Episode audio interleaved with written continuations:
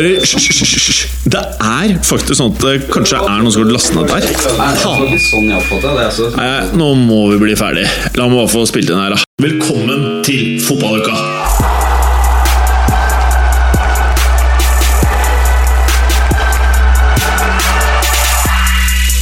Fotballuka leveres av Green Duck, adblocker for iPhone og iPad. I dagens fotballuka, røde djevler som dropper ut av topp fire. Er det duket for Mourinho-comeback i Premier League allerede? London-kanoner som har visst hvor langt de kan skyte når de virkelig vil, og hvordan de ser ut når de har fylt med løskutt. To nye lag i topp fire. Leicester viser få tegn til å dabbe av, og Tottenham grafser til seg fjerdeplassen. Sultefòra på podcasterhjulen. Lurer på hva som er sesongens lag så langt i Premier League. Det er å ligge på sofaen og høre på dama, kidsa, moderen eller en forspist far. No worries, for i dag har vi med oss Jan Peder Jalland. Alt dette og veldig mye mer i dagens Fotballuka. Hallo, Bjarne. Hei, hei, Jim. Hei. Og nå er det du som har tatt plassen til Gallosen. Ja, Ja, endelig. Gallosen- Endelig. Ja. Syns det er digg? Ja. Har du merket at han har sittet i stykker stolen litt? Grann? ja, den er litt uh, vond å sitte i. Ja, så den har blitt skjev. Ja. Og for dere lyttere som kanskje ikke har sett hvor høy Gallosen er, så er han vel eh, to meter pluss, vel? Ja, 2,10 i hvert fall. 15 kanskje. Ja, 2,15 i hvert fall. Ja. Og da veier du ganske mye. Ja. Hvordan har jula vært så langt, da, Bjarne? Veldig bra. Rolig. Mm. Deilig. Mye god mat. Fordi du har jo mye kids, du. Ja. Mange er det nå? Fire? Fem? Bare to, Bare så, to. så langt. Det holder, det, si. Det holder. Det holder. Mm. Bare si likører, da. Ja. Og så er det deg, da, Preben! Som sitter og ler og koser deg. Sitter og humrer. Ja. Mm. Og i dag så har du jo eh, pynta på sveisen sånn at du virkelig ligner på Lechkov. Du ser det. Det er Ja. klippet meg i dag. Ja, eller du har klippet Og alt barbert fra meg, den lille dusken ja. eh, på toppen Den må der. jeg spare til uh, Til hva? Nei, ser ut som Letchkov, egentlig. Ja, du ser ut som sånn der. Lechkov. Eh, og du kan jo vel egentlig ikke bli uh, mer konservativ i klesstilen. Nei, jeg tenkte du skulle kommentere det. ja. I og med at du kommenterte at jeg burde tatt meg noe annet, så Ja. tok jeg på meg der. Brune chinos og en grå genser. det, det er ikke sånn at Det er fargeklatt. Ja, fargeklatt. Mm. Og hvordan har jula vært så langt, da? Veldig bra. Jeg gleder meg bare til den er over, jeg, da, i og med at jeg er i permisjon. Så Ja. mm, gleder meg til det blir Familien går tilbake på jobb, og jeg får litt fred hjemme igjen. Ja. Det blir fint, det. For hvor mye barn er det du eh, har produsert så langt, da? To barn. To barn, ja. Mm, Prøv å følge med Bjarne. Mm. Jeg nettopp. tror hvis Ja, vi er ferdig. Ribbe eller pinnekjøtt? Ribbe. Ribbe? Mm. Uh, er det du som velger, eller har det bare blitt sånn? Det har bare vært sånn i alle år. Men jeg syns ribbe er digg, jeg. En gang i året. Sykt digg.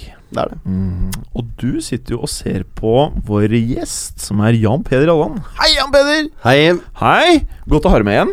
takk. Hyggelig å være tilbake. Åh, veldig glad du sier det, da. Eh, siste episode som du var med, eh, fikk vi jo enormt bra feedback på. Og eh, står vel som en av eh, favorittepisodene til vår eh, gode venn Ole. Hei, Ole, hvis du hører på oss. God jul.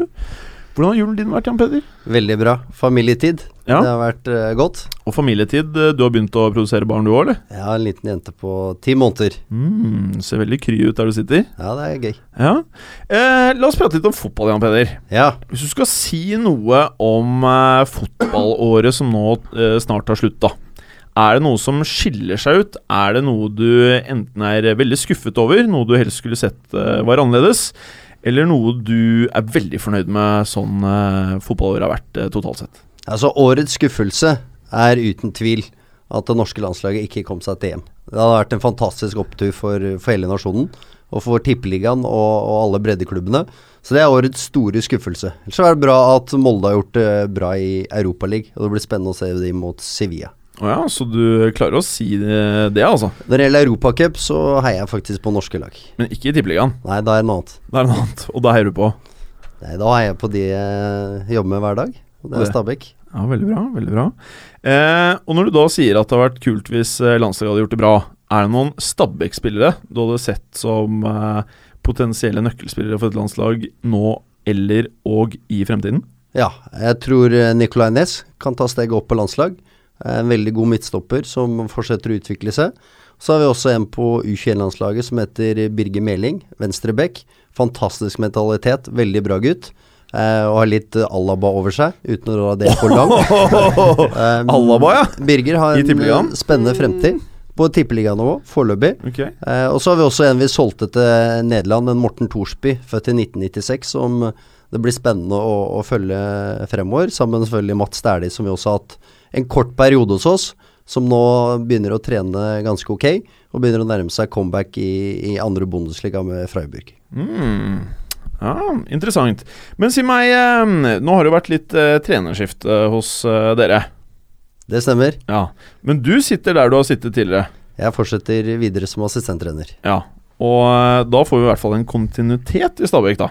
Ja, og Det har klubben vært kjent for eh, egentlig ganske lang tid. Mm. Eh, vi har hatt en Inge André Olsen som spiller og nå som sportssjef i, i ganske mange år. Mm. Som gjør en helt fantastisk jobb. Eh, jeg har vært der i syv år nå. Og Fyson Shit, har det gått så fort? Syv år har jeg vært der. Fire år på junior og tre år på A-laget som assistent. Eh, først ett år med Belsvik, og så to år med Bob, som også var helt fantastiske. Og så blir det spennende å følge Bob videre i Frankrike. Han har starta med to seire, to overgjort og, og ett tap. Ja. Eh, men han kommer til å snu det rundt. Han kommer til å få de opp i løpet av den her eller neste sesong, det er jeg helt sikker på. Mm. Høres ut som en Bob Bradley-fan, i hvert fall. Han er dyktig. Han er dyktig. Eh, vi har jo hatt en del odds-folk i studio tidligere. Eh, hvis vi skal få litt innsideinformasjon nå, hvor ender Stabæk i Tippeligaen til neste år? Det er litt for tidlig å si nå, for vi vet ikke hvordan troppen ser ut ennå. Blir Vi har vel? mista noen spillere, eh, og så jobber vi veldig hardt med å få inn noen, eh, noen nye veldig spennende. Eh, men vi er mest opptatt av å ha en god hverdag, fortsette å forbedre oss, fortsette å utvikle oss. Utvikle hver eneste spiller med en positiv spillestil. Og så skal vi gjøre det vi kan for at vi tar medalje neste år også. Veldig bra. Siste ting. Får vi noe gratisbilletter, vi gutta i fotballuka? Selvfølgelig.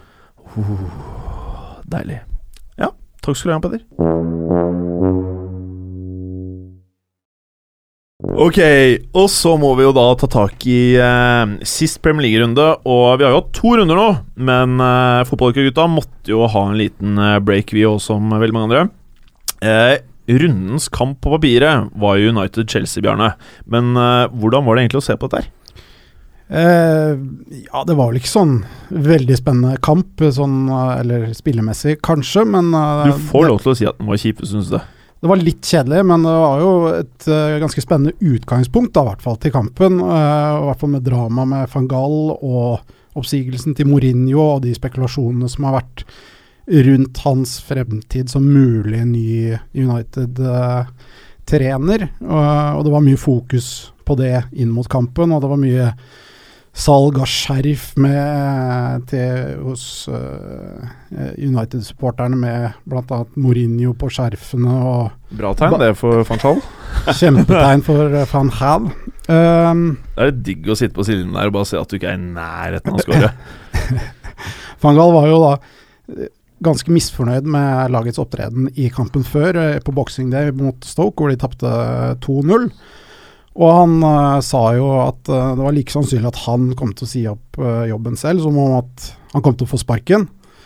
Men den tonen var snudd etter kampen mot Chelsea, som jo da endte 0-0, men han var langt mer fornøyd, og det var et ganske mye mer offensivt United-lag vi fikk se. Men hvorvidt det er pga. United, eller om det er pga. at Chelsea var ganske syltynne, det vet jeg ikke helt. Mm.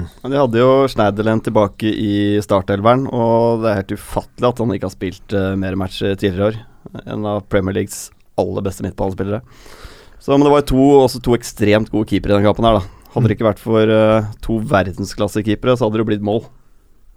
Ja jeg er enig i at Schneiderlin er en veldig bra spiller, men samtidig evnen hans til å finne rom når det er, når det er litt trangere, førstetouchet hans, evnen til å spille fremover langs bakken, finne gode løsninger, sørge for at det er en rytme i laget, så syns jeg også han er litt mer begrensa. Han er en god ballvinner, bra mobilitet, eh, bra duellspiller, eh, og gjør mye bra for United. Men sånn- det jeg tenker på at han kanskje er bedre enn Carrick og Schweinsteiger da, i den rollen.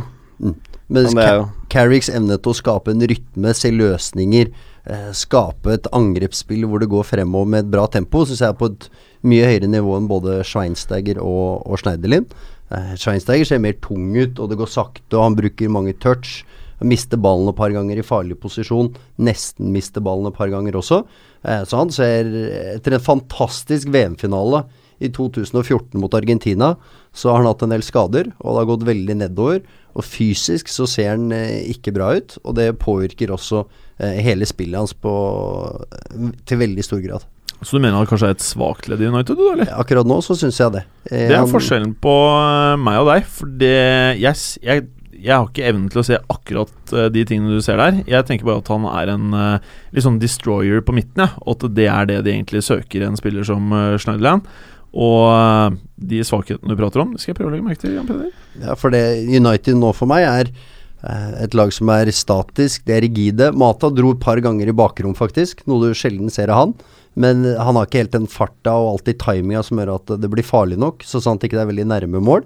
Eh, men det blir et eh, ganske rigid lag med to dype midtbanespillere i, i Schneiderlin og, og Schweinsteiger, som begge er ganske stående, det er ganske dårlige vinkler. De er ikke så flinke til å finne rom på nytt hvis Når de du ikke blir brukt med en vinkler, gang. eh, hva tenker du på da? Nei, hvordan, hvor ballen er, og hvordan du klarer å finne en vinkel i forhold til ballfører som gjør at du kan motta ballen og helst spille fremover. Mm. Et annet eksempel med det er her Herrera. Når han spiller mellomrom for meg, så blir det litt for ofte når ballen er dypt, enten hos eh, stoppere eller de to sentrale litt dypere i banen, så blir Herrera løpende rett mot ball nedover, eller hjemover, som gjør at når han får ball, så kan han bare spille den i støtte. Eh, uten at noen har skapt en ny vinkel, uten at de klarer å ha et nytt valg klart. Eh, så det det betyr, er at eh, ofte så er det en backfirer som ligger litt lavt. Backer er kanskje pusha litt opp. To ganske dype eh, sentrale midtbanespillere. Så er det et stort hull foran de, hvor Rooney som spiss noen ganger dropper seg ned og er et alternativ i mellomrommet. Men altfor ofte er det et stort rom der, hvor de da ender opp med en lang diagonal ut mot sidene. Eh, som gjør at Forsvaret får tid til å flytte seg, så ballen må bevege seg ganske langt i lufta. Istedenfor at de klarer å finne kortere pasninger hvor det går hurtigere langs bakken, inne sentralt i banen. Som f.eks. Arsenal, spesielt med Øzil om dagen, er et, et veldig godt eksempel på hurtig angrepsfotball langs bakken. Når de ikke taper 4-0 for Southampton. Det er helt rett. Eh, hvis du hadde tatt over Manchester United Nå skal jeg ikke sette deg on the spot, men hvis du skulle gjort noen enkle grep, hva er det du savner med eh, Manchester United i dag? Og hvilke enkle ting hadde du gjort for å få de til å se mye heitere ut fremme på banen? Eh, Jeg hadde tatt Rooney i mellomrom og Martial som midtspiss. eh, sånn at du fikk en angrepsspiller til i enda større grad. For jeg tror Rooney kan gjøre mer i den rollen. Eh, og også kan han er enda flinkere til å komme bakfra og time løp enn å være helt oppe og true linja. Um, og så ville jeg prøvd å, å fått i gang Carrick i enda større grad. Eh, det har vært veldig mye rotasjoner i laget og veldig mye bytter. Um, men å fått i gang litt mer enn fast elver tror jeg kunne vært veldig bra for United i den fasen de er nå. Men jeg ville fått de til å spille med fremover, flere løp fremover i banen. Men så er nå utfordringa at det er veldig få spillere som det er naturlig for å gå i bakrom. Eh, hvis du tar f.eks. Eh, skåringa til Øtzil mot Bournemouth, så blir Øtzil spilt opp og, og drar seg inn i mellomrom. Når Øzil, rett før han får den ballen, så går Oxland Chamberlain på et veldig hardt løp inn bak, som åpner opp det rommet for Øzil. Sånn ser du ganske lite av i spillet til United, selv om de selvfølgelig også beveger seg inn i bakrom. Eh, så det er altfor lite løpsvillighet, altfor lite fremoverretta eh, og altfor rigid i spillet sitt. Siste ting. Er det bra nok spillere der? Ja, Det er veldig mange gode spillere, men eh, alle er vel enige om at troppen ikke er balansert nok og satt sammen på en god nok måte. Mm. Men særlig det med å ha flere spillere som liker å true rom inn bak. Hadde du satt inn Müller da, fra Bayern i United, så tror jeg det hadde åpna opp veldig mye rom for andre, samtidig som du hadde hatt en som vært veldig flink til å stikke inn bak. Ja, du ser jo på innlegg i boksen, og det er jo kanskje én, maks to United-spillere har veldig ofte vært, da. Som har vært i, i boksen og ventet på innlegg eller kommet på løp. Resten har bare stått igjen på 16-20 meter. Mm. Så de får ikke det trøkket inn mot kassa. Nei. Det- skal nevnes at på venstresida med italieneren, som har gått fra høyrebekk til venstrebekk, Ja, så hadde han faktisk noen, noen ok innlegg, hvor de faktisk noen ganger er tre-fire mann i boksen også. Det er veldig nærme med Rooney også på slutten, eh, på en volley. eh, på innlegg. Mm. Eh, så det var faktisk Ja, noen innlegg i Enkeltkamper har de sånn. hatt eh, bra trøkk i boksen, men det har vært veldig mange matcher er hvor det har vært altfor lite trøkk inn i, i boksen. Veldig kort Chelsea. Er de noe bedre enn under Mourinho? Nei, Nei. ikke ennå i hvert fall. Det ser ut som, ser ut som Mourinho fortsatt er trener, spør meg. Men um. Nei, Det er vel to uavgjorte nå etter at uh, Hiddink eh, kom inn, og det har ikke vært veldig, veldig eh, Det har ikke vært enkelt å se de store endringene. Det har det ikke. En ting som har vært veldig interessant fra første serierunde med Chelsea, er fysisk hvordan det har sett eh, underlegene ut fra start av sesongen, kontra andre år hvor de har vært eh, sett kraftfulle og utholdende og, og veldig mobile ut. Jeg syns uh, stolpeskuddet til Martial uh, er et veldig godt eksempel på det, hvor Martial blir spilt ut til venstre. Ivanovic kommer seg aldri ut i press. Han blir stående, blir dribla av Martial, som gjør en god jobb.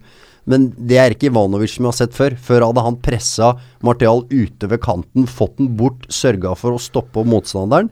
Det er for meg et godt eksempel på hvordan Chelsea fysisk har sett veldig annerledes ut i hele år. Og det er, det er veldig interessant hva de har gjort i preseason. Hvor mye som går på rett og slett hvordan de har trent gjennom sommeren. Hvor mye som går på mentale ting, hvor mye som gikk på Mourinho.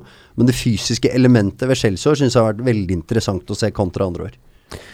Og så er det vel eh, litt sånn at når du hører mer enn én spiller som går ut og sier til media at eh, folk er eh, mer avslappet nå enn under Mourinho, at de syns det er behagelig at han er borte, det er jo ikke et godt signal og for Mourinho som trener hvis han skulle ta over nettopp Manchester United. Jeg vet ikke hvor mye vekt du skal legge på det når det bl.a. er Mikkel som, som nevner dette her, fordi han er vel bare glad for at han får spille nå. Så at han var misfornøyd, det er ikke så rart. Men det er vel eh, flere som har vært litt eh, Som ikke har turt å kanskje ut med navn, da, men som har sagt at det er litt smoothere å eh, være under Hiddink enn Mourinho. Vi må videre, eh, og nå må jeg få lov til å kunne si sexy Crystal Palace, for nå er de på femteplass. Hva tenker du om Palace Swansea, Preben? Ja, de er, de er på femteplass, det er helt riktig. De var ikke veldig sexy nå mot Swansea. Det endte 0-0. Syns, som jeg har sagt lenge nå, at uh, Palace de mangler en, uh, en avslutter. De har mange dyktige spillere, altså rettvendt, som er driblesterke, som skaper sjanser. Uh, men de har ikke noe oppspillspunkt. De har ingen som kan avslutte angrepene. Ellers var Brede Hangeland med fra start, sett med norske øyne, og klarte seg bra. Det gjør han stort sett når han får spille. Swansea de ser eh, mye bedre ut de nå, etter at uh, Monk eh, forsvant. De har, uh, er det tredje kampen nå uten Monk. Så de Jeg tror Nå ligger de jo dypt nede i nedrykksstriden, men jeg tror de på sikt vil spille seg ut av, uh, av den verste faren der, altså. Mm. Får vi se da om Alan Pardew stikker til Real Madrid i løpet av januar. Alan Pardew, ja. Har vel stått noen steder. Jeg vet ikke hvor mye vi skal Men, men faktisk, nå sier jeg ikke at han skal det, men det kan ikke bli veldig mye verre for et Real Madrid-publikum, da. Eh, enn hvordan det er under Benitez akkurat nå, faktisk. Så kan vi Tipper de hadde vært skeptiske hvis Pardew hadde signa kontrakt. Jeg er- jeg er helt enig i det. Ronaldo Jeg sier bare- at gutta er lei seg nå. Ja. De får ikke lov til å løpe, og de får ikke lov til å skyte, og ting er ikke greit, liksom. Nei, er de er veldig lei seg. Jan Peder, Ja. Arsenal-Bournemouth. Bournemouth er faktisk også litt med i kampen, Ja. og har, uh, har en del possession. De klarer å Selv om Arsenal har et klart overtak, så går det litt på hva du forventer av Bournemouth på Hybrid, eller på Hybrid, se på Emirates også. Uh, hvor Joshua King har en mulighet tidlig. Han får en til etter et innlegg uh, fra sida. Men så ser du Arsenal når de skrur opp tempoet sitt. Den te tempoet Arsenal har, timinga i bevegelsene, antall løp fremover, tempo de har i angrepsrekka med Walcott og, og Chamberlain, eh, samtidig som det er en sylskarp eh, Øzil om dagen. Um, de brukte også Callum Chambers som sentral midt, og som klarte seg ok som en ryddegutt. Begrensa hva han gjør offensivt, men det er helt fair. Ja. Men han gjorde en ganske ok jobb, faktisk, sentralt for de. Um, så det er en sånn kamp du sitter og, og ser at Bournemouth er litt med, men du har en veldig klar følelse av at her er det såpass kvalitet i Arsenal at denne her kommer de til å vinne. Og etter kampen så husker jeg både Bournemouth-treneren og spillerne hyllet jo da Øsil. Det er jo ikke akkurat vanlig det, men når du ser hva Øsil presterer om dagen Det minner meg litt om eh, andre sesongen i Real Madrid, når han var mer eller mindre ustoppelig. Han fant Ronaldo på alt av gjennombruddspasninger. Og til tider så var det sånn at du ikke helt skjønte at det kunne være Eller det så så lett ut, bare. Og det er litt av det man føler i dag. Og så tenker jeg, hvordan blir det når Sanchez, Casorla, alle gutta er tilbake? Hvor heftig kan det bli? Men så tenker jeg, er det sånn at Øzil faktisk hever seg nå, som man ser at han kanskje er the head kingpin? Eller blir han enda sykere når de andre gutta er tilbake? Det syns jeg blir litt spennende. Mm. Kristoffer, Mhm. du har æren av å kanskje gå gjennom rundens kamp, som var Everton Stoke. Det tok jo helt av. Ja, for en match det var. Ja. uh, ja, det var helt klart uh, rundens uh, kamp. Og Stokes angrepsrekke med Bojan og Arnautovic og Shachiri ser jo bare bedre og bedre ut for hver uke som går. Lille Barca. Ja. Det, det, det ligner på Stokelona vi har snakket om Ja. nå. Så Mark Hughes har jo tatt, tatt det laget her fra å spille fotball som kun Stig Mathisen og Drillo kan elske, til å se ut som United gjorde under, eh, under Ferguson omtrent. Så jeg er ganske imponert over den jobben som har blitt gjort i Stoke de siste årene. Uh, nevnte Shachiri. Han putta jo sine to første mål for uh, Stoke, og det, det var to pene mål også. Ja. Og det ene har jo blitt veldig omdiskutert, da. Veldig omdiskutert, det ene målet. Jeg er litt usikker selv, men jeg gir han benefit of the doubt og sier at han eh, prøvde å score. Lille Zlatan mener jo kanskje ikke det. Nei, Nei, og det var vel med høyrefoten hans òg, som ikke er hans sterkeste. Ja. Så jeg ser for meg at han prøvde på et innlegg der, men eh, han har veldig korte ben, så jeg tror bare han prøvde å rekke ballen i det hele tatt, tror jeg kanskje. Han var håpet på at han skulle treffe den. pent Ja. var det uansett. Det er for en helt legendarisk video med, med spilleren som har kledd seg ut som en gammel mann.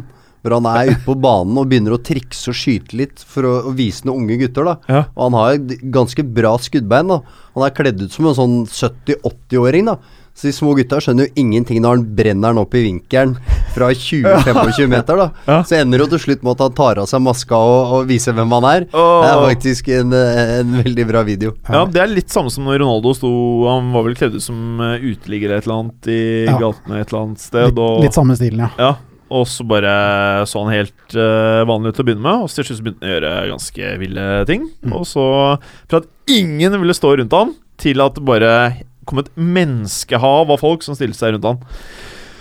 Jo, Noe mer vi skal si om det? Ja, vi kan jo ta med oss uh, at Everton har jo en brukbar spiller i Lukaku også. Uh, og de produserte jo et ganske fint mål i første gang, de òg. Et uh, spillemessig veldig pent mål. Og etter pause så, så legger jo Lukaku på én til, som er en eh, strøken eh, prestasjon av Lukaku. Jeg må si jeg var så forbanna når jeg så de der tikka inn. ass Jeg hadde akkurat solgt Lukaku inn med Harry Kane på fantasyfotball, ikke sant? Og så bare Jeg var sikker på at nå skulle han ha et par kamper pause, men så kom de der. der. Han er rett og slett for god nå. Han ser veldig bra ut, og samspillet mellom han og Delofeo har jo sett veldig bra ut. og Delofeo putter jo på til 3-2, og da tenkte i hvert fall jeg at nå, nå tar Everton det. Og de, de trenger en seier nå, men, eh, men Stoke det annerledes. eh, Men ganske pen avslutning av Joselu, som eh, putter på til eh, 3-3. Og på overtid så skaffer eh, Arnautovic eh, en straffe som ble litt eh, omdiskutert eh, av mange, egentlig. Som jeg, jeg mener er en soleklar straffe. Eh, han setter den selv, og 3-4. Stoke-seier. Everton sliter voldsomt defensivt. Altså Om det er fordi Jagielka er ute, eller om de to sentrale uh, blir overløpt gang på gang. Det er jo kanskje en kombinasjon her. Men de er nødt til å stramme opp eh, defensivt. For de spiller, altså Offensivt så er det jo utrolig gøy å se Everton, eh, spesielt hjemme på Goodison om dagen. Masse ikke- morsomme spillertyper. Nå, nå, nå sier jeg ikke dette for at jeg ikke vil at uh, Everton skal gjøre det bra. Jeg sier det bare for at eh, jeg syns det er så sykt underholdende å se på lag som scorer masse mål, og som slipper inn litt Ja, mye. ja, det er det Så for meg så er dette her det beste som kan skje, at de bare fortsetter sånn som det er. Hver eneste runde så stikker Everton seg frem som et av de mest underholdende lagene å se på i årets Premier League, syns nå jeg. Ja, men de underpresterer ganske mye, altså. Ja, og det kan jo koste en manager jobben. Det kan det. Mm. Eh, Norwich, Aston Villa, Preben. Hva skjedde der? Realt Norwich, toppoppgjør, Aston? Villa med Tetty fra start. Det var jo en match begge lag egentlig burde og måtte vinne. For Mm. Villa ser jo Eller Aston Villa må jo vinne Ja. alle oppgjør, egentlig. Som For, eh, for å ta det med altså For Villas en del så ser det jo egentlig ferdig ut. uh, nei, men altså Jo, det er det, det villeste, og det skulle du ha Ja. jævlig kred for, Preben. Det her sa du Jeg tror fotballuka én Så mente tidlig. du dette her at uh, Aston Villa rett og slett ikke hadde laget nok til Nei, å gå de mistet jo veldig sentrale spillere da fra i, i fjor, og de erstattet jo på ingen måte de. De prøvde seg med en taktikk å hente inn en del unge som de skulle utvikle og bygge et lag over tid. Det er mulig at det blir brukbart over tid, men akkurat her og nå så, så funker det ikke. Spillerne er rett og slett for dårlige. Det hjelper vel heller ikke at Grealish havner på fylla og ikke får spille, og alt er gærent der. Nei, men det er liksom jeg ser ingen spillere i, i Villa som, som klarer å gjøre noe uventet. da Som klarer å gjøre det lille ekstra. Du har Jordan Ayu som har gjort noen småting nå i det siste, men Nei, det ser syltynt ut. Det gjør det. Ja, Remi Gard eh, sa vel noe sånt som at det er faktisk noen spillere som kan tenke seg å komme til oss i januar. Faktisk. noen Nei, det ender 2-0 eh, oppskriftsmessig til Norwich. Viktig seier for Norwich. Det er de kampene de må vinne Eh, for at de skal holde en eh, brukbar avstand til streken. Den er ikke mer enn tre poeng, etter det jeg husker i farta. Jan Peder, West Brom, Newcastle. Var det noe å få med seg? Klassisk Tony Pulis. West Bromwich 3-4-3. Spiller fremover, andre baller, løpsvillig, aggressive, gode på dødballer. Eh, masse som ikke er bra i spillet, men en veldig klar identitet. Eh, de har en Anicheve på topp som kan holde på en del baller. Det er en Fletcher sentral som er veldig mobil, ballvinner, aggressiv leder, sammen med Jakob. Uh, og så har de en trio bak, uh, med Olsson i midten, som også er en begrensa fotballspiller, men de, de klarer å forsvare seg på en ok måte. De gangene de sliter, er når uh, de, en treeren bak, med Evans til venstre, eh, når de må ut og, og forsvare seg én mot én breit, da får de trøbbel. Eh, så sånn at de kan holde backtrieren intakt og wingbacker dropper ned, så, så er de veldig solide og har store kropper i boksen. Eh, men de gjorde også at Newcastle klarte å skape noen ting. Eh, Jakob mangler også litt tempo, er den som ofte balanserer, for Fletcher kom litt høyere i banen, eh, og særlig på gjenvinning. Eh, som betyr at de er litt sårbare på kontring imot. Eh, men det er et klassisk Tony Pulis, og skåringa er innkast. De prøver å slå et innlegg som blir klarert. De plukker opp andreballen, nytt innlegg. Der kommer Fletcher litt fra dypet. Stanger den inn, litt dårlig av keeperen. Så klassisk West Bromwich, Tony Pulis med identitet og trykk. Ikke min type fotball, men når du ser det og, og Det ingen vet hva de vil, så, så får du respekt for det. For det er et Newcastle-lag som Det er veldig vanskelig å se en klar identitet. da Mm. Det er få spillere som liker å gå i bakrom. De fleste vil gjerne ha han litt mer i fot, eller Mitrovic med oppspillspunkt. Eh, så det blir litt forutsigbart. Eh, og litt som Aston Villa, så er det i mange av de klubbene Det er en konsekvens av veldig lite kontinuitet. Mange utenlandske spillere som er henta inn litt på uten en klar strategi. Klubben er ikke bygd opp godt nok. Og så blir det til slutt at konsekvensen er at du får ikke resultater, og så er det veldig mange ting å peke på. Det er ikke én eller to ting som er avgjørende. Klassisk Pulis-resultat, altså. 1-0. Bjarne, Sunderland-Liverpool skal jo også spilles. Spilles uh, snart, Mhm. så Skal vi si noen ord om det? Hvordan tror du dette ender? Det er to lag som trenger tre poeng. Uh, kanskje Sunderland enda mer enn uh, enn Liverpool, men det er jo to lag som knapt nok skårer noe mål. Eh, Søndeland har kun vunnet syv av de siste 64 kampene mot eh, Liverpool, og aldri med mer enn ett mål. Sier litt om, eh, litt om styrkeforholdet her, men eh, i denne sesongen her så tror jeg jo hva som helst kan skje. Så den formen Liverpool har vist over over siste tida, så kan Sunderland finne på å, ta tre poeng, de. Og gode Coutinho må begynne å skåre, hvis ikke så må jeg bare selge ham på fancy. Altså, no. Noen må bare skåre mål.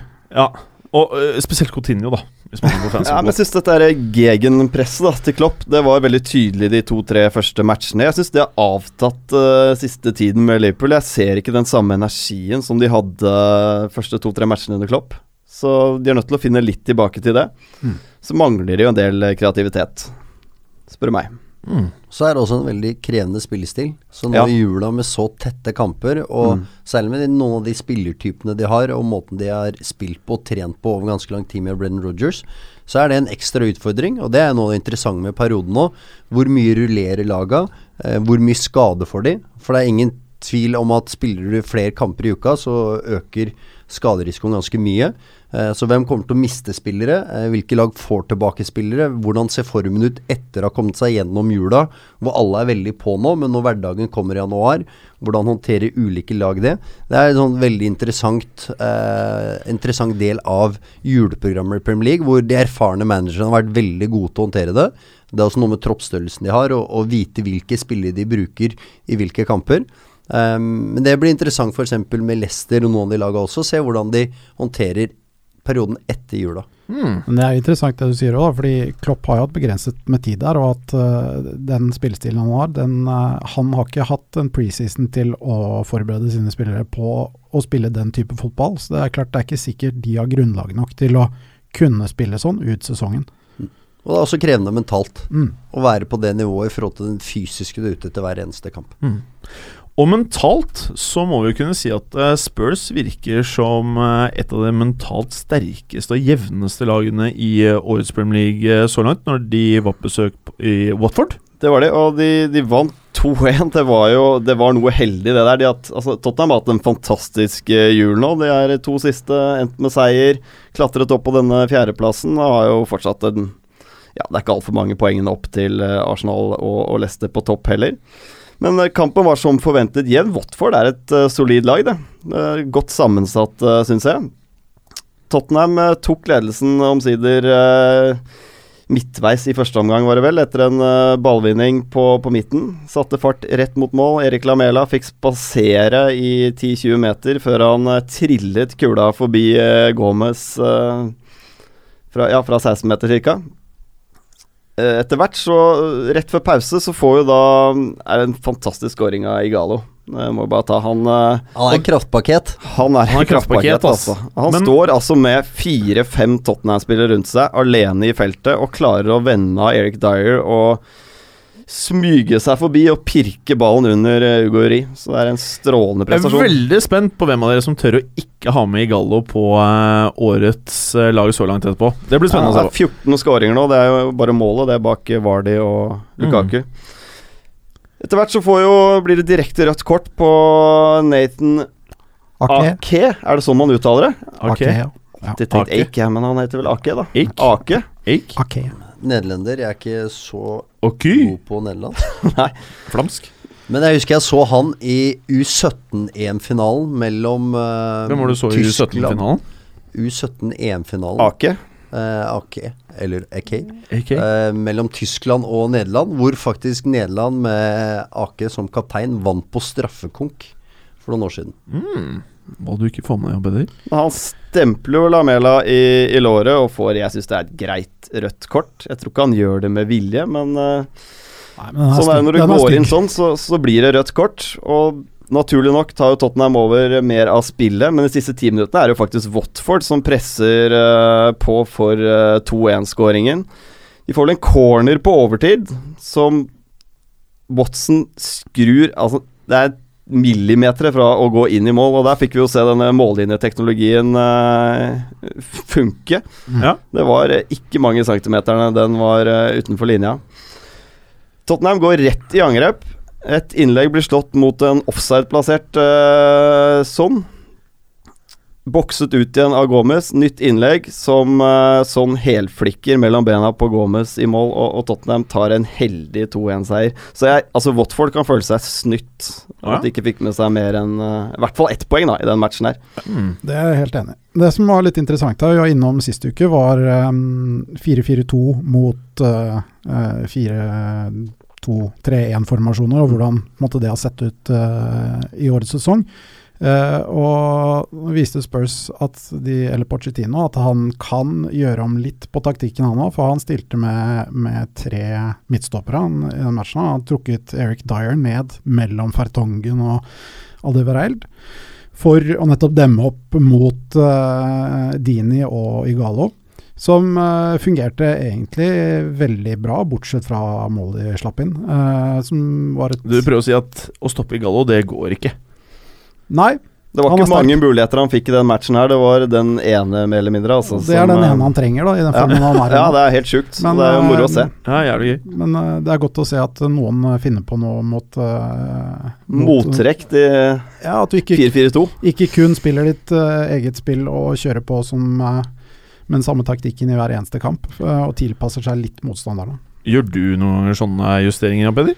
Ja, så det er, eh, kommer an på litt laget du har, eh, spillerne du har, motstanderne du møter, eh, hvordan ting har sett ut i det siste, hvordan de jobber gjennom en hel sesong. Men det med å ha en taktisk fleksibilitet i laget sitt tror jeg er veldig fornuftig. Mm. Eh, jeg foretrekker å ha en backfirer som et utgangspunkt. Eh, vi har spilt i Stabæk også de siste åra enkeltkamper med en tre bak. Eh, for det er mange lag i Tippeligaen også som er klassisk 4-4-2-lag. Um, så den taktiske fleksibiliteten er, er viktig og interessant. Og så har Guardiola tatt den til et helt nytt nivå, uh, som er også veldig interessant. um, så det er selvfølgelig en dyktig del av spillet. Og, og Pochettino er en, kjent som en som er veldig dyktig taktisk. En som er veldig god til å få en god struktur i laget sitt, organisere det. Um, samtidig som han, eh, han virker som en veldig solid og bra type. Mm. Hvem vil du si er liksom de mest eh, progressive og innovative på eh, formasjon, trenerfronten i verden akkurat nå? Altså Guardiola er jo åpenbart. Mm. Eh, Bielsa var jo gjennom eh, et helsike i sommer med Marseille. og kom seg gjennom, fikk de spillene han ville ha, og var fantastisk fornøyd. Tapte serieåpninga, så det var ingen unnskyldninger og trakk seg. Eh, det sies at han har vært i, i prat med Loco, i prat med Swansea, jeg vet ikke om det stemmer. Det hadde vært enormt å få han inn i Premier League. Ja, det hadde vært Kult. Det hadde vært å få Bielsa, Guardiola, alle disse inn i Premier League. Helt- tilbake inn i United og Det er litt sånn at trenerne er jo nesten i ferd med å bli de nye stjernene. Ja, vi pratet om det i i forrige episode, det faktisk. Ja. Eh, det er eh, blitt litt der, altså. Så når Jan Peder tar over eh, et lag i Premier League, så kommer vi til å følge med. Vi skal dekke det. Da kommer jeg i studio. Ja, gjør du det, Jeg eller? kommer alltid hit i Vet du hva vi gjør da? Da gir du oss noen eh, free passes til eh, Old Trafford når du sitter her. Og så eh, tar vi opp i en av VIP-båsene. Men hovedgrunnen til at jeg kommer tilbake til studio, det er selvfølgelig deg, men det er en veldig viktig annen argumentasjon òg. Det er at du har dekka hele stua di med et fantastisk rødt teppe, eller Jeg vet ikke helt hva det er for noe. Det ser ut som et studio av litt annen sort. Ja. Eh, men det er veldig offensivt å ha Det det, som lyd, da. stue. Veldig bra lyd. Mm. Det er imponerende. Det er Men- høyt nivå. Men, men det vi også kan eh, ta for oss nå, Jan Peder Leicester Man City. Ja, City styrer mye av matchen. Uh, begge lag skaper sjanser. Uh, Stirling er veldig aktiv i starten og er veldig nærme å, å få en goal. Uh, blant annet for han stikker i bakrom, tar den med seg eh, og prøver på, på hell volley. Der ser du litt av det Stirling mangler i forhold til de aller beste. Rent teknisk og avslutninger, og sette i de mulighetene han får. Der ligger han bak Eh, de gutta som er i, i Real Madrid, i Barcelona, de aller beste. Eh, men har et vanvittig tempo, et spennende potensial. Men har fortsatt en del ting han må utvikle for å være klinisk nok i en del situasjoner. Um, men det er et uh, City-lag som sagt som har mye ball, men så er det et Leicester-lag som jobber veldig hardt. Som er veldig samla. Altså, de jobber uh, også Jeg kan ikke komme på et annet lag i Premier League som er i nærheten. De er godt Ja, og- organisert. altså Det er ja. vanskelig å bryte ned. Og, Altså, gutta gir alt i alle situasjoner. Og det kan jeg fortelle deg i um, den kampen mot City. Hadde de ikke gjort det, så hadde det ikke stått 0-0. Det er helt sikkert. ja, men En mann som har imponert meg i år, eh, som kanskje ikke alle nevner, er jo Robert Hoot. Hoot, ja. Som eh, ja, var vel egentlig avskrevet uh, for de aller fleste før han eh, signerte for Leicester. Han har vært strålende sammen med Morgan bak der i Men i midtforsvaret. er det Ranieri som gjør dette her? Hva, hvordan blir alle gutta så bra? Hun har jo åpenbare svakheter, selvfølgelig. Hun syns jeg var veldig interessant da han var en ung midtstopper i Chelsea. Så tenkte jeg, Da hadde jeg faktisk tro på at det var en som kunne prestere på et veldig høyt nivå i Premier League. Kanskje slite mer i andre ligaer. Um, etter hvert som han gikk videre til Bare Middlesbrough han gikk først? Um, og vært innom Stoker vel også, før han havna i Leicester. Men det har alltid, alltid sittet med en følelse at jeg kan bli en veldig solid stopper i Premier League. Jeg synes han er sterk til å posisjonere seg. Han mangler litt tempo, selvsagt. Så, er han, så duellspill er han jo konge. Og så er han stor som et fjell. Ja. Hvis du ikke ser hvor han står, så merker du det, i hvert fall. Du så Eh. en som merket, eh, merket det i går, så du ikke det? Som var det, gikk i rett i bakken etter en duell med Hoot. Hoot? Ja, hvem var det? Otamendi. Ja, han ble most. Og han ble veldig lei seg etterpå. Og Den- filma og Ja, han Han kom bort til lillefingeren til Hut, og så tryna han. Uh, ja. Og det er vel ikke så veldig mye mer å si enn at det var en uh, Det er sterkt av Leicester, da. Et Ja, poeng hjemme mot. City er, er sterkt, det. Og City ser svake ut borte nå. Altså, de har eh, ett mål i snitt på bortebane, mens de har tre mål i snitt på hjemmebane. Det er to vidt forskjellige lag hjemme og borte, og de, de taper jo mye kamper nå. Eh, Jeg husker jo for en del år siden så ble det jo sagt at du kan ikke vinne Premier League eh, hvis du har tapt mer enn eh, tre-fire kamper.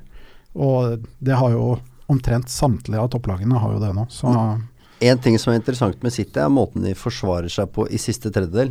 Hvor backfireren veldig ofte stopper ved 16-meteren. Eh, hjemmekampen mot Liverpool er et veldig godt eksempel på hvordan det kan bli straffa. Eh, Klopp sine lag, når motstanderen ligger lavt og det er lite rom, så, har Hans Dortmund eh, i gamle dager ofte sliter litt mer. Men når laget til Klopp har rom å angripe i, løpe i, eh, være aggressiv inn i, så er det også veldig flinke til å utnytte det. Det har han også fått til med Liverpool i noen bortekamper. Um, og det som sagt, det var et veldig godt eksempel, men det er veldig spesielt hvordan de setter linja rundt 16-meteren og blir stående, uh, istedenfor å, å droppe litt inn noen ganger. Selv om du alltid passer på at backfireren din ikke blir for dyp i siste tredjedel, det er en viktig del av det. Eh, men de er helt ekstreme på å stå høyt, noe som gir muligheter for å tre inn bak de, også i siste tredjedel. Bra. Westham, Southampton. Ja. kamp med to vidt forskjellige omganger. Jeg satt og liksom følte at uh, Southampton hadde så mye sjanser i første omgang at de kunne skåret nok mål til å vinne flere fotballkamper. Men uh, de, de fikk bare De fikk én scoring ved Tadic. Uh, ganske pen sånn sett. Eller det ble kanskje til og med et selvmål uh, av Jenkinson etter hvert der. Og så i andre gang så setter Bilic innpå Andy Carroll og, Manuel Lanzini, som er tilbake fra skade, samt flytter Jenkinson over på, på andre siden. Og da ser de veldig mye bedre ut. Og Michael Antonio skaper mye uro på venstresiden, og han i 69 minutter så snubler han inn i feltet og velter ballen hjem. bue over Ja, eh, Stekelenburg. Skåring. Altså Den buen ballen får når den treffer nesa hans. Ja. Ned i bakken og klarer å chippe den inn fra seks meter. likte måten du simulerte med Ja. hånden din hvordan det var å få ballen i nesen Ja, din, det- eh, Preben. Ja, takk. Mm. Antonio er på farten igjen ti minutter senere og header eh, et innlegg i tverrleggeren. eh, som eh, Carroll eh, setter inn eh, returen i da 79 minutt, og det er også vinnermålet. Og sist Sist Chelsea Nei, Westham vant en kamp, var også 2-1, og da var det samme mann som satte inn en scoring også da etter 79 minutter. Så, men det begynner å bli en stund siden, og dette var da første seieren til Westham på ni kamper. Og til tross for det så ligger de faktisk på syvendeplass på tabellen og har eh, fortsatt los på Champions League-plass. Det er vanskelig å bli klok på Southampton i år, altså. De Mm. har noen, spesielt noen omganger som er helt fantastiske. Så- Så kollapser de, så er de helt tragiske igjen. Mm. Så er det den kampen mot Arsenal selvfølgelig, hvor det er helt strålende hele matchen. Så det er veldig opp og ned. Veldig opp og ned. Så Westham tok der 2-1, og det man kan si om Southampton Utgangspunktet er vel at de har et veldig bra lag. En tilsynelatende flink eh, trener, men det varierer for meget. Da er vi ferdig med sist runde i Premier League. Og så har vi en eh, Premier League-runde i eh, vente, Preben.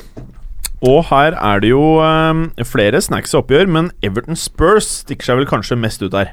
Ja, det tror jeg kan bli veldig morsomt å se på. Det er to lag som uh, til dels har spilt uh, veldig underholdende fotball i år. Jeg synes Det er to lag som har Det er mange spennende unge spillere i, i begge troppene. Du har Barkley, Lukaku, Delofeo, som er unge folk i Everton. Så har du Kane, Ali, uh, Dyer osv. i Tottenham. Så det er uh, en del unge, spennende spillere utpå der. Stones Everton. Stones selvfølgelig, han glemte jeg jo. Så det er, det er mange å ta av der. Men vanskelig å si. Altså, som vi snakket om i sted, Everton har sett veldig bra ut, de. Men de plukker jo ikke nok poeng. De, det blir ofte ettmålstap. De roter det til. Ja. Dominerer matcher, slipper inn seint på slutten, får med seg bare ett poeng. Men Mens Tottenham har jo egentlig vært eh, det motsatte eh, i år. At de har faktisk klart å, å stenge butikken. Det er, annet, det er et eller annet utrolig trygt med det Pochettino har fått til i Tottenham. Det virker veldig vanskelig å bryte ned. Og eh, når Kane har dagen, så klarer de også å skåre mål. Og det er det som skal til for å ta eh, poeng, da. Og jeg tror vel, eh, i motsetning til veldig mange andre, at de kan være med å kjempe mer enn bare en eh, topp fire-plassering i år. Ja, absolutt. Og, og eh, altså, det er jo det som måtte bli spennende, her, å se om Everton klarer å, å stenge en bakover. For nå har de altså sluppet inn to mål i snitt eh, på de siste syv hjemmekampene. Eh, det er ikke bra nok. Og når de møter et aggressivt Tottenham-lag, så kan de bli ganske hardt straffet, fordi forsvaret til Everton ser litt shaky ut. Og eh, Stones er jo en fantastisk fotballspiller, men han har slitt litt i det defensive, og det kan nok hende at han lider litt under at Jagielka er skadet.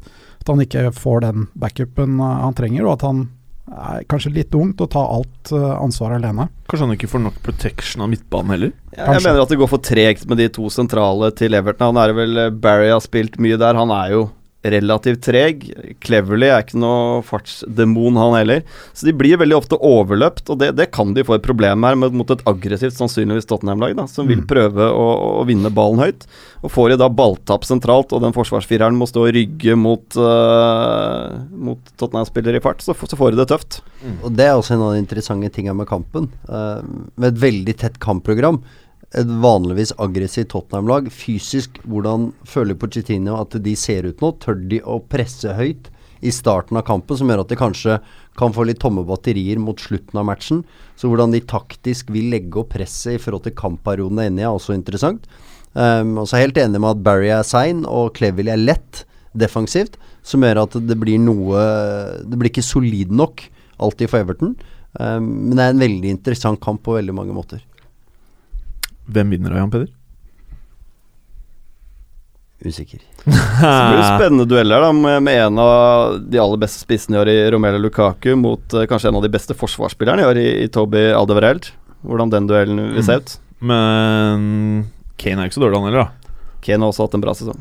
Veldig bra sesong. Det pleier å bli ganske jevne kamper. Jeg, jeg, Tottenham har et lite overtak på Everton og har hatt de seneste årene. Jeg tror at, eh, jeg tror at det blir jevnt. Det blir nok ikke noe mer enn en ettmålseier til et av lagene, eventuelt uavgjort. Det ble vel poengdeling på White Hart Lane eh, tidligere i år.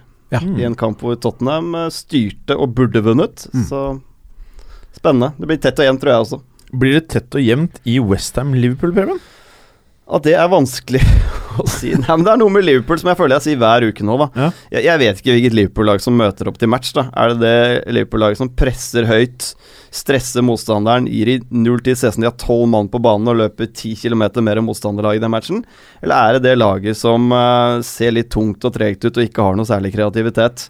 Så jeg, så, Som jeg sa i sted, så føler jeg at den hypen rundt Klopp har stilnet noe. Jeg syns den har stilnet uh, veldig. Men eh, som eh, Kristoffer sa, da det, han har jo ikke hatt så veldig mye tid å jobbe, Nei, det er helt riktig. jobbe med mannskap, eller? Ja, så har jo Westham har jo en midtbane med bra løpskraft i, i Noble og Koyate. Og så er uh, Payet uh, visstnok klar igjen til den eh, kampen, og Lanzini var tilbake eh, nå sist runde, så det begynner å se litt lysere ut for Westham òg. Ja. Og det skal vi ikke glemme, for Dimitri Payet var plutselig en av de Payet. Payet? Ja. Paillet? Ja, altså Vanligvis på fransk så ville du ikke uttalt den T-en, men fra det distriktet han kommer fra, så uttaler du den. Sier du det? Ja. Veldig bra, Bjarne. Det, har du lagt merke til at alle som sitter i Gallåsen-stolen. Språkeksperter! Ja, ja. Det er uten å tulle, altså. Det har skjedd med alle. Sist gang så var det Roppestad, selv om han er veldig dårlig på det. Ikke bli sint av Roppestad.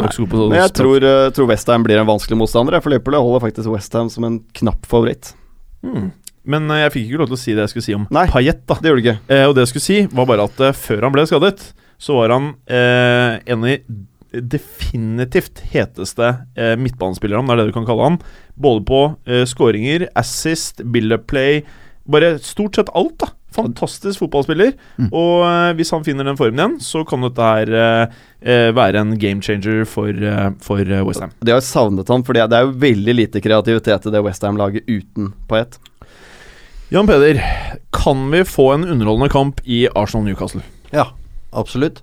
Du vet, aldri med Newcastle, så er noen ganger de er en dødare. Det er ikke de alt man vet med Arsenal heller. Uh, og det er det andre med Arsenal, men jeg, jeg tror Arsenal er en Jeg tror det er en sjøltillit i gruppa nå. Jeg tror det er noe litt mer solid der. Og særlig i mangel av en annen stor kandidat. Og jeg tror også det er et pluss for Arsenal at det ikke er en annen stor manager med en sterk personlighet som klarer å legge press på dem. Eller en Eh, Mourinho som går og stikker sånn pinnene inn Ja. i siden på magen til Wenger annenhver runde. Det er ikke en Mourinho, det er ikke en Ferguson. Eh, Pellegrino er en, eh, en rolig herremann. Så jeg tror faktisk det er et lite pluss for Arsenal oppi det hele. Så jeg tror Arsenal kan bli interessante utover, utover vinteren.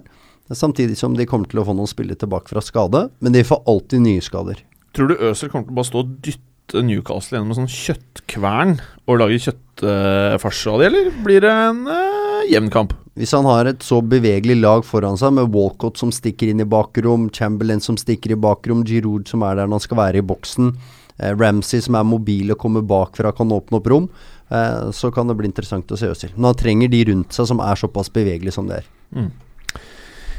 Leicester-Bournemouth, Kristoffer. Mm. Er det sånn at Leicester nå eh, plukker opp eh, der de eh, egentlig er? Skårer i hver eneste runde, og var de på skåringsblokka Mares i top notch igjen?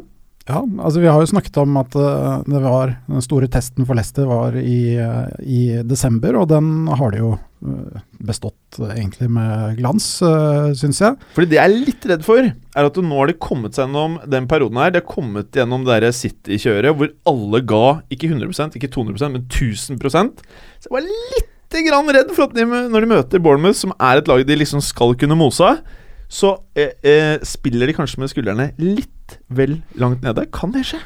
Jeg håper Ja. ikke det. Jeg håper Ja, det. Please, jeg tror faktisk Det det, Jim. Eh, jeg syns jeg har sett en liten endring i de to siste kampene nå. At det er kanskje har gått fra et lag som uh, ikke har noen ting å tape, til et lag som faktisk har innsett at ja, vi kan faktisk være med å slåss uh, om topp fire og om Premier League-tittelen. Eh, Må jeg selge Vardy og Mares? Det er det jeg egentlig lurer på. det gikk eh, Ja, jeg har jo nå gått Jeg har hatt de på laget mitt, så jeg har jo Jeg har jo håpet at de skal gå på en smell Jeg spør ikke deg. i 19 uker. Jeg, jeg skal beholde Mares ut sesongen, tror jeg. Men Ja. Vardy kan ryke hvis eh, jeg må hente inn Lukaku igjen. Nei, men jeg tror du er inne på noe her. Altså. Nå er det på en måte tilbake til hverdagen, og nå møter de lag de skal uh, på papiret slå. Eh, kanskje det er en sånn liten mental greie der. Nå har de, ja, nå har de nesten nådd 40 poeng. Eh, kanskje de møter veggen litt nå, jeg vet ikke. Kanskje de er litt utladet. Vi får se. Eh, Bournemouth er jo også for så vidt inne i en spillemessig bra, bra periode, og kan fort finne på å skape litt problemer for Leicester. Ja. Så um, Altså, jeg, tror, jeg tror i hvert fall eh, det som kommer til å være veldig definerende, er hvordan går Leicester ut når de er på banen. Er det sånn som mot City, så mener jeg at de kan slå absolutt alle, og da frykter jeg ingenting. Men hvis, jeg, hvis, hvis man ser de første ti minuttene, at det ikke er det derre det derre jaget, det derre drivet som gjør at eh, du føler at Chelsea, eh, Leicester sorry, kommer til å Uansett motstander til å levere en bra kamp, og om de vinner eller om de ikke vinner, det er litt opp til hvordan Mares og Vardy klarer å penetrere Forsvaret. Men eh, det blir veldig spennende. Jeg tror, altså jeg tror at veldig mange lag kommer til å stille opp ganske annerledes nå, andre del av sesongen, mot Leicester. Eh, litt trist. Er ikke det litt trist? Jo, det er litt trist, men det er naturlig. Men da må de finne på en annen måte å vinne på. Så Ja, det er vet jeg ikke om Ranieri kan. Så det er veldig dumt, men eh, jeg håper ikke det skjer. Eh, Manchester United, Sånn Swansea, Jan Peder. Ja, det blir interessant. Ja, Det her Eh, blir veldig interessant. Og kan dette være siste kampen til eh, LVG? Jeg tror ikke de kvitter seg med nå. Det, utover januar, hvis det fortsetter, så kommer det et eh, punkt hvor de, de må ta en avgjørelse. Um, det som er nå vurderinga er sikkert, er vil de slippe til gigs nå? Tenker de det er han som korttid, langtid? Uh, hvilke planer har de eventuelt til sommeren? Eh, som, som det er mange spørsmål der som vi ikke kjenner svar på. Um, og så er det to lag på Old Trafford som eh, begge er ganske possession-orientert. Um, og det blir spennende å se hvor mobile og aggressive og offensive United klarer å være. For jeg har sett United slite på Old Trafford mot uh, Swansea, i nyere tid. Altså. Absolutt. Og eh, i forhold til hvordan United forsvarer seg, som er tendens til å være mer mannsmarkering, eh, som er klassisk nederlandsk. De, I nederlandsk vanlig backfirer i RS-divisjon så er det veldig mye mannsmarkering. Eh, og Det er også en av grunnene til at en del spisser kan skåre veldig mye mål i Nederland, men slite når det kommer til større ligaer. Selv om mange selvfølgelig har gjort det veldig bra også. Um, og, og måten United, for å bruke det klassiske, klassiske eksempelet, når de tapte 2-0 borte mot uh, Arsenal på Emirates måten United forsvarer seg mann til mann mot Arsenal fra starten av kampen, hvor Arsenal med litt rotasjon, litt dynamikk i spillet, skaper noen fantastiske mål, men det er et forferdelig kollektivt forsvarsspill av United, etter min mening, som gjør at når Swansea har litt rotasjoner og er ganske pasningssikre, så blir det også spennende å se hvor mye United klarer å demme opp for det, for jeg syns ikke presset til United er så bra, eh, selv om det har sluppet inn få mål totalt sett i, i sesongen. Hmm. Veldig bra. med det. Men du snakker om gigs. Hva, jeg tenker det er en øh, Det er en engelsk manager, eller en britisk manager til, øh, som har gjort det ganske bra nå. Uh, Mark Hughes. Mm. Burde ikke han egentlig uh, Være en bra vært nevnt i sammenheng med den jobben her? Jeg tenkte faktisk på det i går, um, at han er en mann som um, i hvert fall på sikt burde være aktuell. Det er overraskende hvor lite han blir linka, faktisk. Mm. Han har jo hatt et par jobber hvor det ikke har gått fullt så bra som det står, da. Det, Ja, det skal jo sies. ja, men, altså, han, har vært i, han har vært i QPR, da, som på en måte i hovedsak der gikk øh, helt på trynet. Og det, måte, det, er mer, det er mer QPR sin klubben sin skyld enn hans, føler jeg. Altså, han gjorde det bra i Fulham, han gjorde det bra i Blackburn. Han gjorde det jo forholdsvis bra i City også.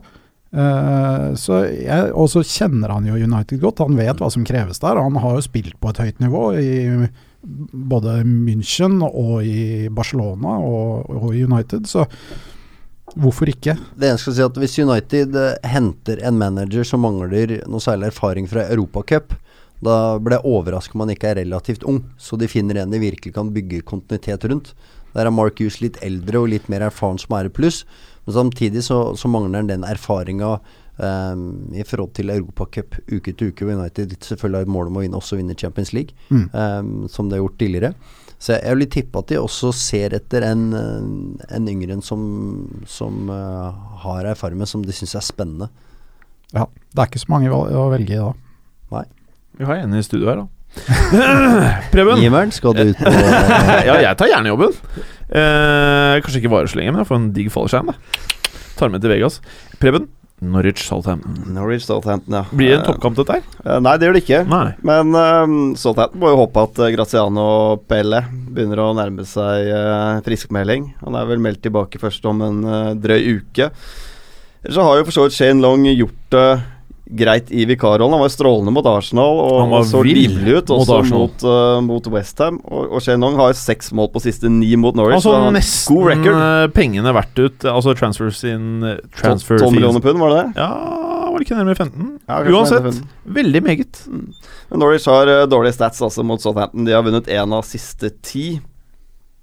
Likevel tror jeg faktisk Norwich tar det. Mm. Det er vanskelig å bli klok på Southampton om dagen. Og det er mye rykter om at Norwich har et par nye spillere på veien, som kan spille inn, særlig for noen av de mindre klubbene, som jeg tror det er mer sannsynlig at handler mer enn eh, en del av de større, for de større skal spille Europacup, Mm. og kanskje da vegre seg litt mot å hente spillere de ikke kan bruke der. Eh, så det er også en del av elementet som gjør at det er vanskelig å vurdere en del kamper som kommer nå på nyåret, for plutselig blir nye spillere tilgjengelig. Du er så flink, Jan Peder. West Brom Stoke, Kristoffer. Dette må jo bli en uh, mulighet for Arnatovic til å vise seg frem i flere kamper på rad. Fordi det har vi kanskje til gode å få fram. Ja, uh, det er jo altså sånn, Hvis vi ser på sesongen under ett, så er det jo to lag som uh, knapt skårer ett mål i snitt per kamp. Så det er, borger jo på en måte ikke for noe fest, festkamp, det her heller. Og Du er så flink til å bygge opp noen av kampene dine. ja, ja, takk for det. Jeg får lyst til å se på den. Ja.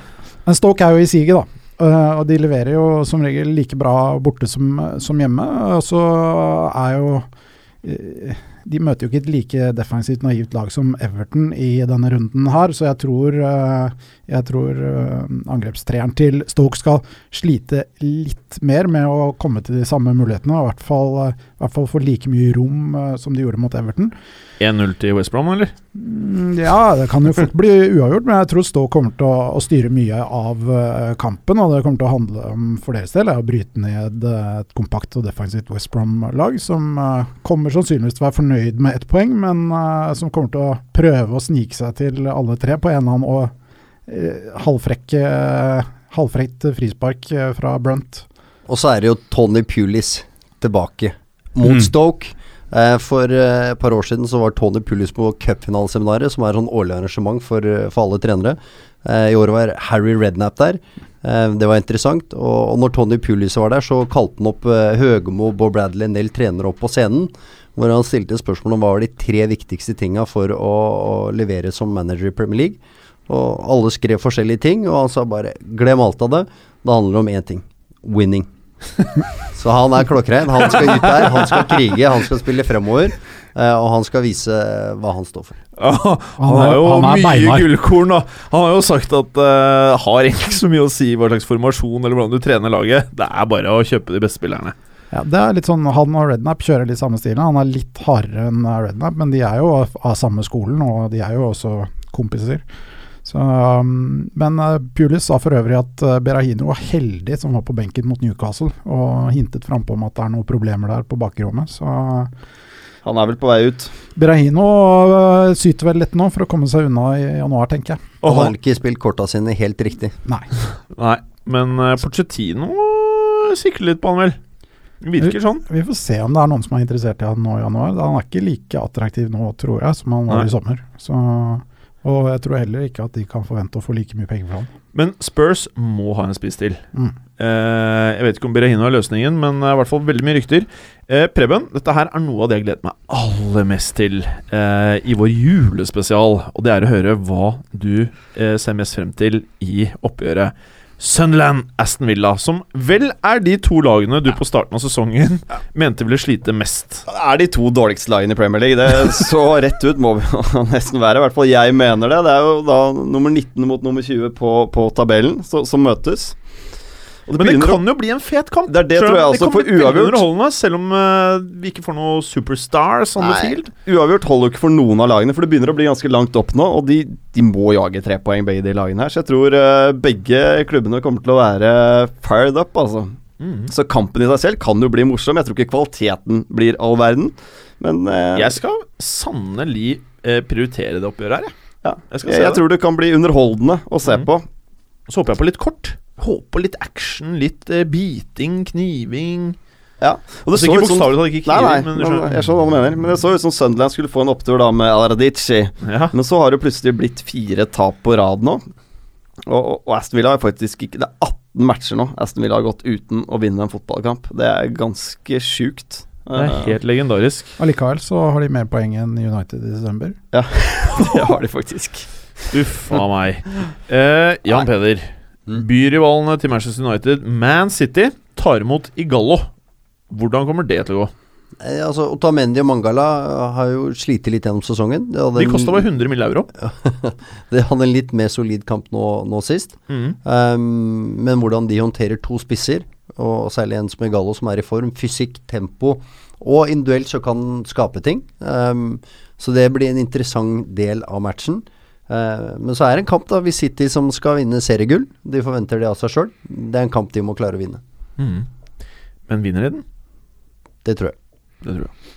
Det blir jo et ganske likt oppgjør som det de hadde nå sist, mot uh, Leicester. På mange Mm. måter møter et ganske likt lag og mye av de samme utfordringene, bare at uh, Watford stiller med uh, to gode spisser istedenfor uh, én. Mm. I dag så har du sånn sensuell, sexy stemme, Kristoffer. Gjertsen, vet du. Gjertsen, Thomas Gjertsen, eh, du vet jo hvor jeg skal. Du skal nemlig fortelle litt om Sexy Crystal Palace, som tar imot Chelsea. Ja. Uh, sexy Crystal Palace uh, uten tap siden november. Men uh, de Det skår er så bra, det. Ja, og det er jo ekstremt sexy å skåre ett mål i snitt også per kamp. Men når de vil, Ja så virker det som at de kan eh, få opp litt link-up play, og gutta er kjappe, og når de er i siget, så ser det bra ut. Mm. Eller? Jo da, men de mangler den spilleren som kanskje eh, byr på det mest sexy. Det er jo Bolassi, han er jo skadet. Ja. Og så har de, som vi var inne på i sted, de har jo fortsatt ikke noe spiss som skårer mål, så de mangler litt på, på å være sexy, altså. Chelsea har tilbake Costa fra suspensjon, kan jo bidra til at de får sin eh, første seier på en stund. Det trenger de sårt.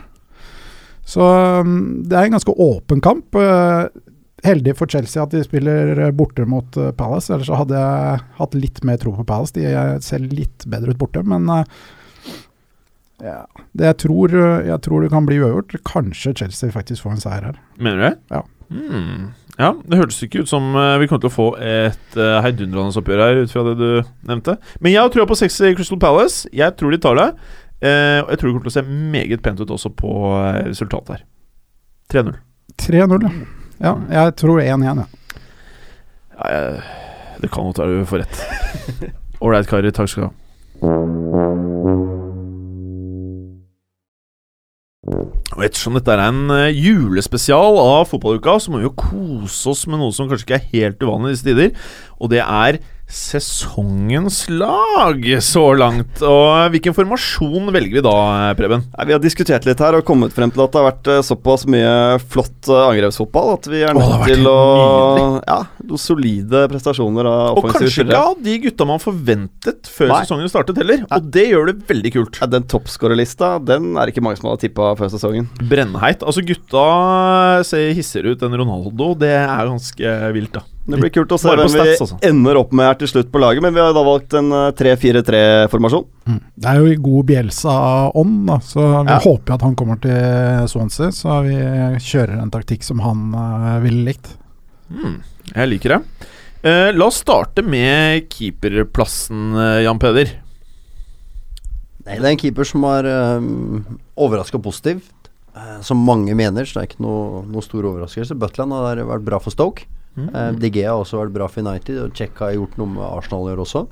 Eh, men Butland har uh, overraska positivt og, og går rett inn i buret og stenger der. Jeg har en liten outsider på, på, til keeperplassen. Altså. Oh, Uh, Aurelio Gomez. Han er i hvert fall mest underholdende. Ja, han har én blemme, da. Ja. Um, en litt stygg kamp, men bortsett fra det så har han vært eh, veldig solid. Altså, han um, er ganske tett på å være sesongens beste keeper for, eh, har for min del. vært høyt nivå på keeperen i Premier League i år. Veldig. Så det er en del uh, gode alternativer. Men jeg er også enig i, i Butland, for han har reddet uh, på egen hånd da Stoke ikke så ut sånn som de gjør nå i de siste matchene, hvor de sleit litt mer spillemessig. Så var Butland konge. Mm. Da reddet han mye poeng. Det er sant. keeperne og spissenes år så langt i Premier League, virker det som. Ja. Eh, hvem eh, har vi i eh, forsvaret, Kristoffer? Ta Starte den ene enden. Begynner med en av årets, eh, årets eh, kjøp. Uh, Toby Alderweireld. Syns jeg har vært eh, strålende. Jeg syns han, eh, synes han har eh, Han har fikset et problem som Tottenham har hatt i egentlig helt siden Ledley King la opp. Eh, han er den sjefen de trenger bak der. Og Tottenham er jo det laget som har sluppet inn minst mål så langt, så det er naturlig å ha en eh, forsvarsspiller derfra. Han ser lethal ut på eh, dødballer i motsatt ende også. Ja. Og det jeg har mast om til det kjedsommelige år, og jeg må si det igjen Jeg skjønner ikke hva innkjøpssjefene i toppklubbene tenkte på når de ikke var på grøten med Toby Alderweireld. Eh, han har sett hot ut når han har fått sjansen, og det var ikke så ofte da, i Atletico Madrid. Han så beintøff ut i eh, Southampton i eh, fjor, og han kosta ikke mye penger heller. Han ville bli i England. Det var åpenbart at han skulle ikke tilbake til Spania. Og da svingte Pochettino seg kjapt rundt. Sikret han. Alle lagene trengte midtstoppere, og alle betalte 30-40 euro og har ikke fått noe som funker. Genialt kjøp, og kanskje også årets kjøp, ikke bare i Premier League, men kanskje på eh, europabasis. Ja, Samtidig så har eh, Fretongen og Alderweireld veldig god beskyttelse foran seg. Eric Dyer har hatt en strålende sesong i den defensive midtbanerollen. Og, og Fertongen har jo også sett mye mye bedre ut i år enn han gjorde i fjor. Mm. Eh, og da kommer vi litt over til eh, Chris Smalling, da, som er en mann jeg eh, gjerne vil ha inn i den uh, treeren her. Han eh, har også sett litt shaky ut tidligere, men i år har han jo Og det kan man jo si om United i år, at de har i hvert fall fått den der blokka foran eh, midtstopperne, så de ser mye bedre ut. Nå blir ikke uh, utfordra så mye uten press, da.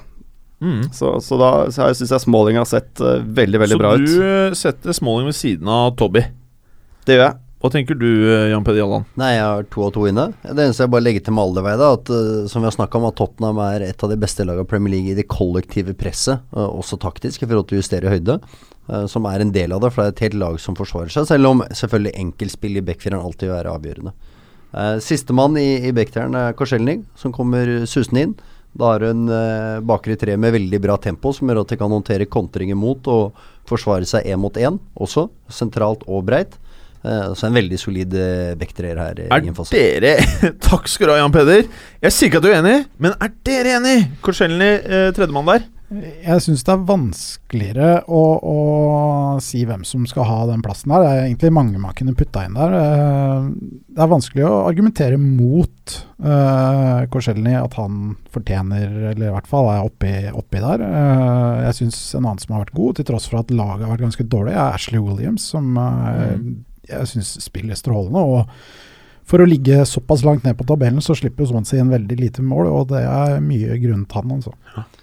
Men samtidig er det veldig vanskelig å dytte inn en Swansea-stopper der, nettopp av den grunnen du nevner, da. Du har Leicester-gutta bak deg, ja. altså Morgan og, og Robert Hoot, som har åpenbart hatt en strålende sesong, de også. Så de kunne også vært uh, inne på laget her. Mm.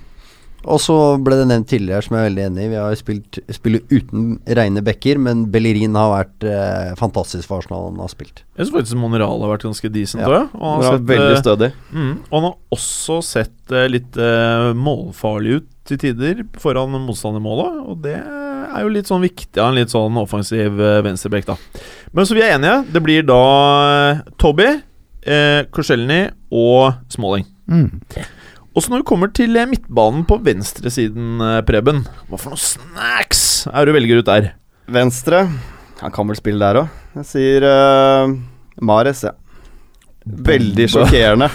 Begynne med han. Han regner jeg med ganske bankers i det laget her. Har jo hatt en fantastisk sesong i Leicester, selvfølgelig. Både med assist og, og skåringer. Kreativ, veldig god fotballspiller. Vi trenger vel egentlig ikke å si så Nei. veldig mye mer, for at, uh, hvis du ikke har med Mares, ja. så uh, da tilhører du ikke studio i fotballuka, tror jeg. Du er enig du, Jan Peder? Yep. Ja. Hva het han spilleren, sa du? Mares?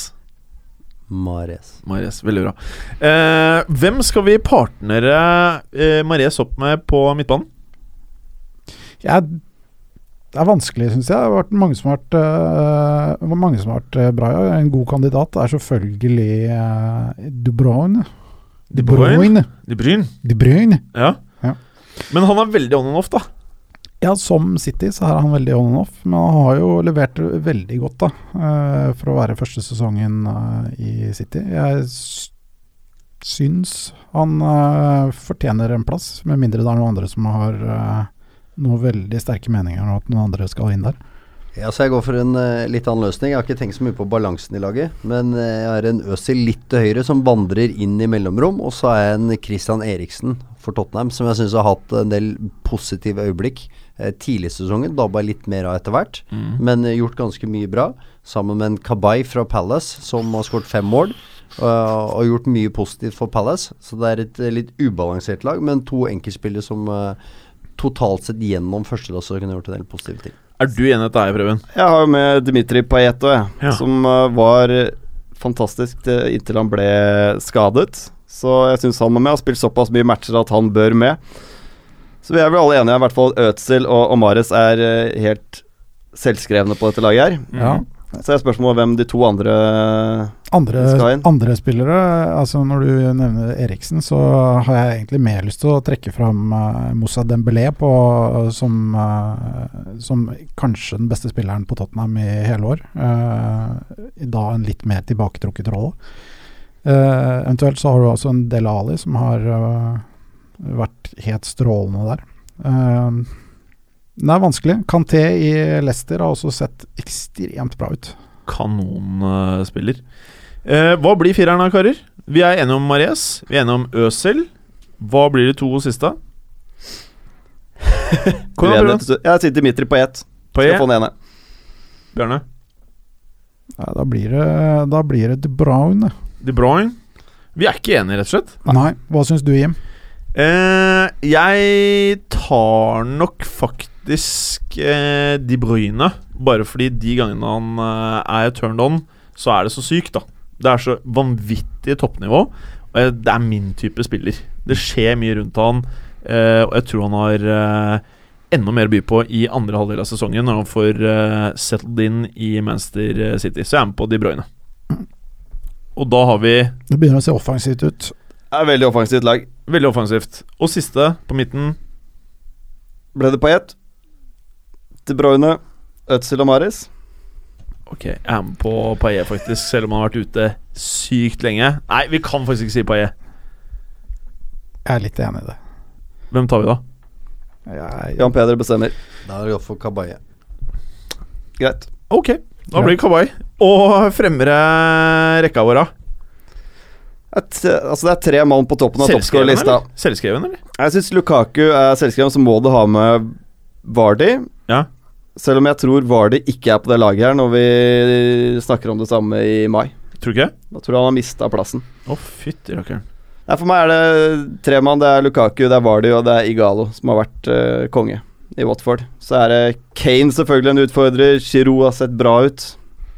jeg er helt enig. Det er eh, Jeg er helt enig med det du sier òg. Jeg tror kanskje at uh, Igalo ikke er med i diskusjonen heller, når vi, når vi er i mai og skal sette opp uh, årets uh, lag. Da tror jeg kanskje det er Kane og Giroud som Og med har tatt Lukaku. Ja. og Lukaku som Ja. har de plassene. Vi får se. Det blir spennende. Er du enig, Jan Peder? Enig. Enig. Eh, hvis vi skal ta årets spiller så langt, da. Én kar. Det står vel egentlig bare mellom uh, to karer for meg, Øzil og Mares. Hva tenker dere? Ja, det er jeg helt enig i. Preben? Jeg er helt enig i det.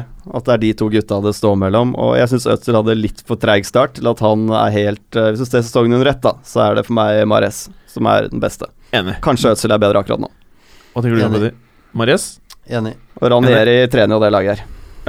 Og du tar Bjørne? Jeg er helt enig, Ja. Mares, Mares. Sesongen sesongens spiller så langt. Ja. Eh, også faktum at han spiller på Leicester, og eh, er på en måte Det veier litt tyngre Ok. Og bare aller siste ting. Hvem vinner Premier League sånn som det ser ut nå? Starter med deg, Preben. Arsenal. Jan Peder? Arsenal. Bjørne? City. City? Mm. Står mellom de to.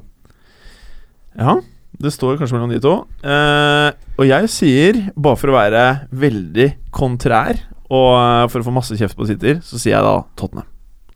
Mm. Håper dere har kost dere med en julespesial. Og så skriv til oss på Twitter hvis dere er uenige med lagene våre. Vi vet jo at det er veldig mange gode kandidater, så keep us posted. Takk for at du hadde høre på. Vi er Fotballuka på Twitter, Facebook og Instagram. Følg oss gjerne. Men bare få høre. Den tror jeg blir litt fet.